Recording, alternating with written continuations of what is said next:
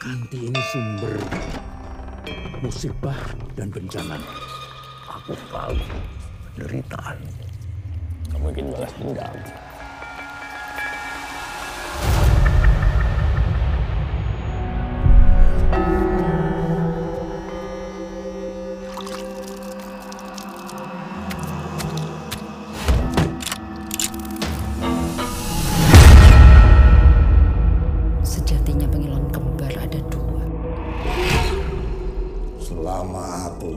Purwot Poseno masih hidup, panggilan kembar ini tidak akan bersatu. Kerja batik itu tampaknya paling muda di sini. Apa anak itu anak Dora?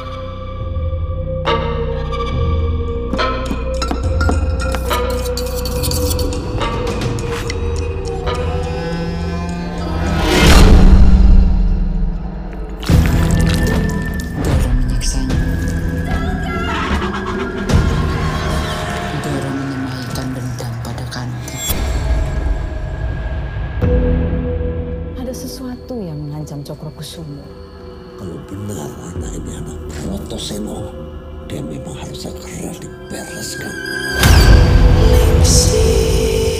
Iblis terkuat bersemayam di sini. Seliramu temanku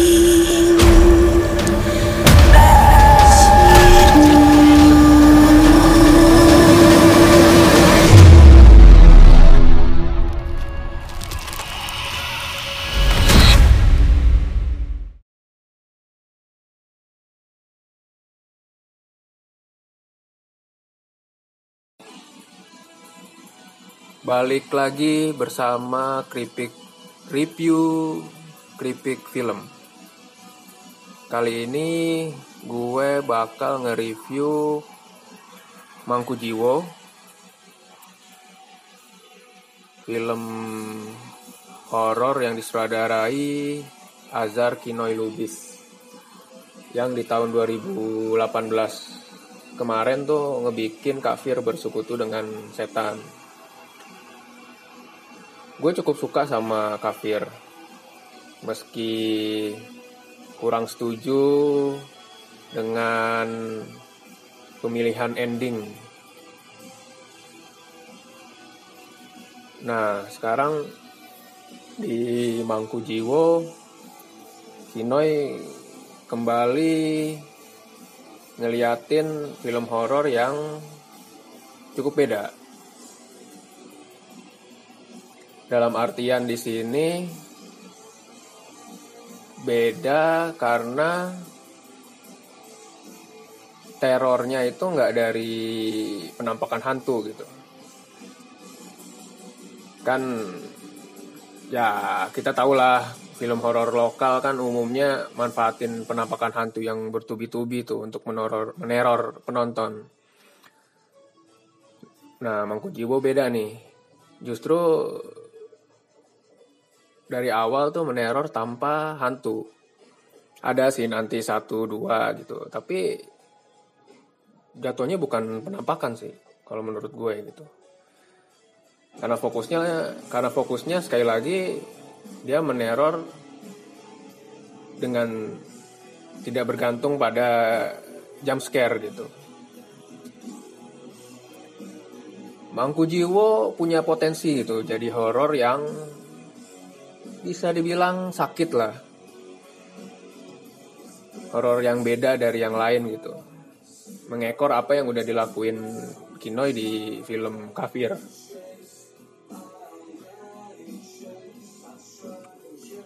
Pendekatannya itu nanti Mangku Jiwo tuh lebih ke adegan-adegan disturbing ya. Di Kafir sebelumnya udah pernah dikasih lihat tuh dengan berbagai macam ritual gitu dengan detail-detail yang cukup berdarah-darah ya. Nah di di di Mangku Jiwo tuh apa levelnya tuh ditingkatin gitu.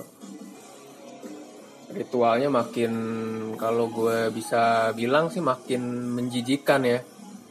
Atau bahkan merangsang perut jadi mual gitu kalau yang nggak biasa nonton film-film sadis-sadisan apa adegan-adegan disturbing gitulah.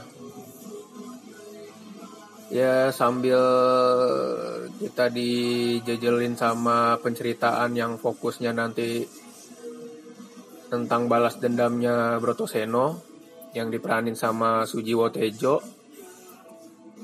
Balas dendam kepada Cokro Kusumo nih yang diperanin sama Roy Martin ya keduanya punya masa lalu lah yang bikin keduanya tuh bersaing. Nantinya tuh gambar-gambar menggiurkan dalam tanda kutip itu bakal gantian muncul di layar gitu. Selagi kita juga diumpani oleh cerita. Tapi sejujurnya gitu, ceritanya tuh sebenarnya membosankan menurut gue gitu. Di sini tuh letak letak kelemahan dari Mangkujiwo. Storyline yang seakan dipaksakan untuk rumit dengan cara bercerita film ini yang berbelit-belit gitu. Alih-alih gue penasaran gitu, gimana nantinya cara Broto Seno buat balas dendam kepada Cokro Kusumo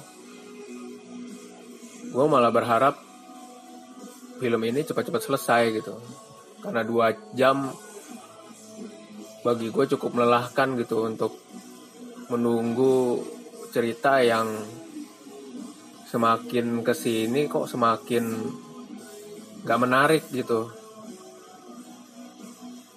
Ya gue masih survive masih bisa duduk ya karena hanya untuk menunggu itu tadi adegan-adegan biadabnya muncul lagi di layar gitu.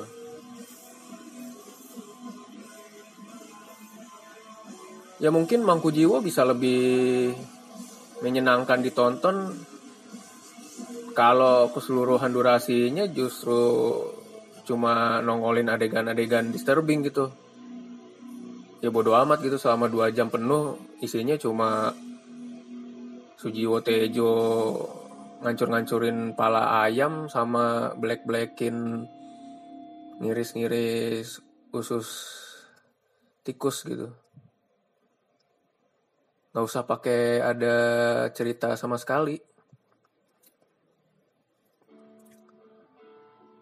toh gue nggak lagi peduli gitu sama cerita semenjak karakter Samuel Rizal tuh muncul di lay di layar.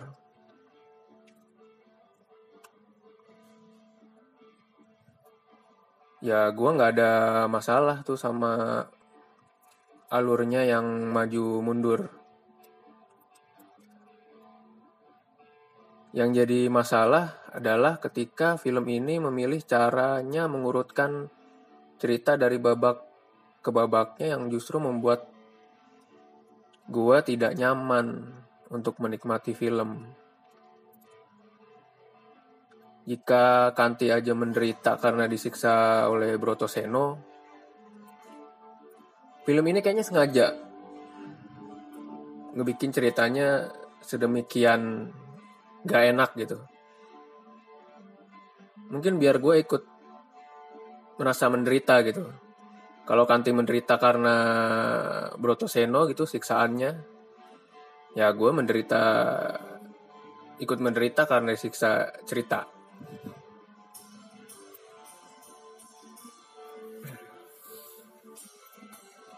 Belum lagi ada karakter-karakter yang cuma nggak tahu ya sekedar numpang lewat yang nggak tahu fungsinya di dalam cerita tuh buat apa gitu. Cuma buat ngeramein aja gitu kan. Atau cuma buat jadi korban yang dibunuh gitu. Ya terlalu banyak karakter gitu yang yang nggak ada juga sebenarnya nggak nggak ngaruh gitu.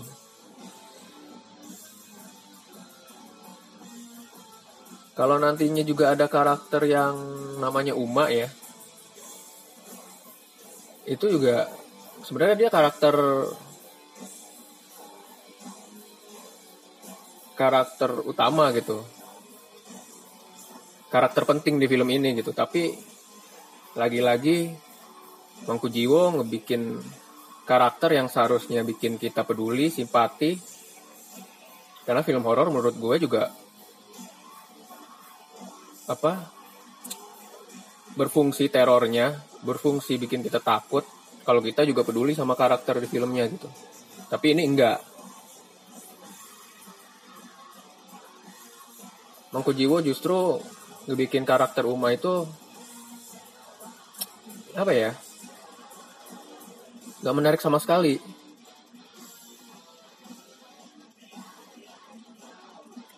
Meski dia penting tapi pada akhirnya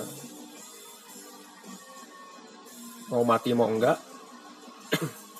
mau karakter ini dihidupin atau ujungnya mati gue nggak peduli gitu. Terlalu banyak yang gue nggak peduliin di bangku jiwo gitu.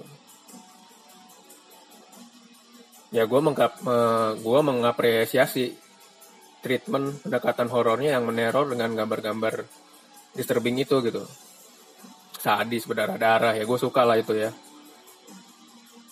Tapi juga sekaligus ngebenci Mangku Jiwo dengan cara dengan caranya menuturkan cerita gitu. Padahal selain idenya untuk meneror dengan gambar-gambar laknat itu gitu ritualnya si Sujiwo Tejo tuh yang anjing banget itu. Ya film ini juga punya beberapa nilai positif lain gitu termasuk acting. Khususnya Asmara Abigail gitu yang meranin perempuan gak waras yang bener-bener menjiwai banget gitu. Perempuan yang dijejali, dijejali oleh dendam kesumat gitu. Ya asmara Abigail yang basicnya aja udah apa ya menurut gue udah misterius dan serem gitu. Di, di permak di film ini tuh jadi Kanti tuh makin makin ya cocok banget gitu sama karak sama karakter gitu. Ya milih As Asmara Abigail buat jadi Kanti menurut gua pilihan yang yang bener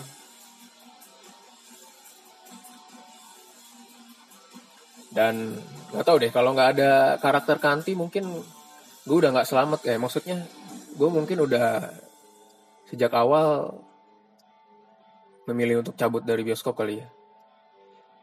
Ya satunya satu satunya alasan gue bisa survive ngelewatin Mangku Jiwo ya karena karakter Kanti ini gitu.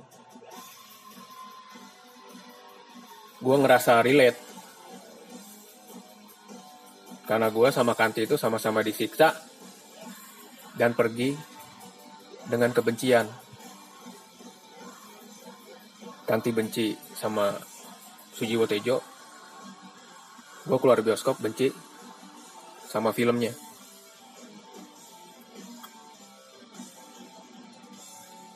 Sayang sekali.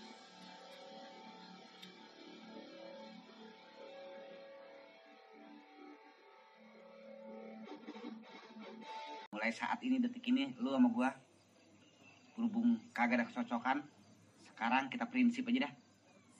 Apaan? Percuma. Taunya kita terusin juga